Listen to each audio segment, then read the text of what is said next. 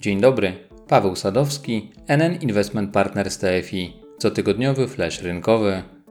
Drugi kwartał 2020 roku należy zaliczyć do jednego z bardziej skrajnych okresów dla globalnej ekonomii. Jeżeli chodzi o krajowe podwórko, to te ostatnie trzy miesiące były zarazem najgorszym czasem dla polskiej gospodarki na przestrzeni ostatnich 30 lat oraz stanowiły przy okazji największą szansę dla giełdowych inwestorów od ponad dekady. W okresie, w którym gospodarka przechodziła najgłębszy dołek od lat, to indeks WIG zyskał ponad 19%. Był to najlepszy wynik od trzeciego kwartału 2009 roku. 11 lat temu inwestorzy odrabiali straty po załamaniu rynków finansowych, które zapoczątkował krach na amerykańskim rynku kredytów hipotecznych. Natomiast w drugim kwartale bieżącego roku uczestnicy rynku wyrównywali swoje finansowe krzywdy po spadkach związanych z pandemią koronawirusa. Fundamentem tego pozytywnego dyskontowania przyszłości było przeświadczenie, że zamrożenie gospodarki będzie krótkie i nastąpi po nim szybki powrót do normalności. Świetne nastroje panujące na globalnym rynku kapitałowym w końcówce pierwszego półrocza 2020 roku zostały odzwierciedlone w czerwcowych wynikach funduszy inwestycyjnych, zwłaszcza tych bardziej ryzykownych. Był to szczególnie udany miesiąc dla rynków rozwijających się. Najlepszym wynikiem mogą pochwalić się fundusze akcji azjatyckich rynków wschodzących, które w tym okresie zarobiły średnio 6,5%. Przy tej okazji warto odnotować, że w ostatnim miesiącu drugiego kwartału nastąpiła odbudowa napływu kapitału na rynki wschodzące. Z raportu Instytutu Finansów Międzynarodowych wynika, że na tamtejsze rynki akcji napłynęło 9,5 miliarda dolarów, a na rynki długu 23,5 miliarda dolarów. W czołówce osiągniętych wyników plasowały się również krajowe fundusze akcji małych i średnich spółek, których średnia stopa zwrotu wyniosła w tym okresie ponad 5%. W ostatnim podcaście wspominałem o tym, że małe spółki wykazują się ostatnio dużą siłą w relacji do indeksu WIG.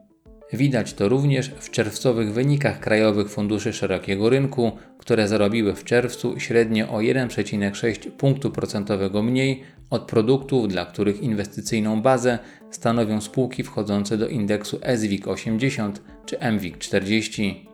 Pozostając jeszcze na chwilę przy krajowym parkiecie akcji, to warto zwrócić uwagę na bardzo dobre zachowanie spółek energetycznych, które są hitem ostatnich tygodni na GPW. Przez ostatnie 3 miesiące WIG Energia urósł ponad 60%. Warto dodać, że w długim terminie jest to jeden z najbardziej zdołowanych indeksów sektorowych na GPW.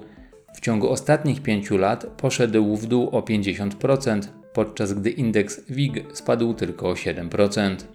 Dynamiczne wzrosty tego wspomnianego sektora to pochodna rosnących nadziei inwestorów na wydzielenie aktywów węglowych ze spółek energetycznych. Powinno to wpłynąć pozytywnie na postrzeganie tych spółek przez inwestorów oraz mieć korzystny wpływ na poprawę ich wyników. Dodatkowo to, co może w przyszłości mieć pozytywny wpływ na zachowanie krajowych indeksów, to inflacja oraz prawdopodobna odwilż na rynku pierwotnym akcji.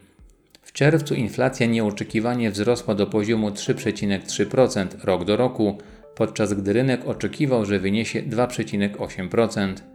Skok inflacji może być dobrą wiadomością dla giełdy. Dlaczego? Przy prawie zerowych stopach procentowych inwestycja nadwyżek finansowych na rynku akcji może jawić się jako atrakcyjna alternatywa dla bezpiecznych form lokowania aktywów, np. depozytów, które posiadają aktualnie jedynie symboliczne oprocentowanie. Dodatkowo wyższa inflacja będzie miała prawdopodobnie wpływ na skrócenie okresu utrzymywania przez Radę Polityki Pieniężnej rekordowo niskich stóp procentowych, a to z kolei powinno mieć wpływ na poprawę perspektywy sektora bankowego, który ma znaczny udział w szerokim indeksie akcji. Wzrost cen oznacza również, że firmy będą chętniej przerzucały rosnące koszty na konsumenta, co może mieć w przyszłości pozytywny wpływ na ich wyniki finansowe. Prowzrostowym impulsem dla krajowej giełdy mogą okazać się również szykowane oferty publiczne. Aktualnie na rynku wtórnym akcji mamy rekordowe obroty, natomiast prawie nic nie dzieje się na rynku pierwotnym. Planowane debiuty giełdowe mogą rozruszać rynek. W ubiegłym roku na głównym parkiecie zadebiutowało tylko 7 firm, a łączna wartość IPO wyniosła tylko 45 milionów złotych. Wiele wskazuje na to, że ten rok może być zdecydowanie lepszy. Na rynek docierają informacje, że do oferty publicznej szykuje się firma Allegro oraz Kanal Plus Polska. Jeżeli ta pierwsza wspomniana spółka wybrałaby na miejsce notowań polski parkiet oraz potwierdziłyby się informacje o wartości oferty na poziomie około 2 miliardów euro, to byłaby to największa oferta od 2011 roku, kiedy na rynku zadebiutowały akcje PZU, na które zapisało się wtedy ponad 250 tysięcy klientów indywidualnych. Debiut tak dużej spółki powinien wzbudzić zainteresowanie zarówno krajowych, jak i zagranicznych inwestorów oraz być impulsem rozwojowym, nie tylko ze względu na wielkość tego podmiotu, ale również na sam profil i jego działalności.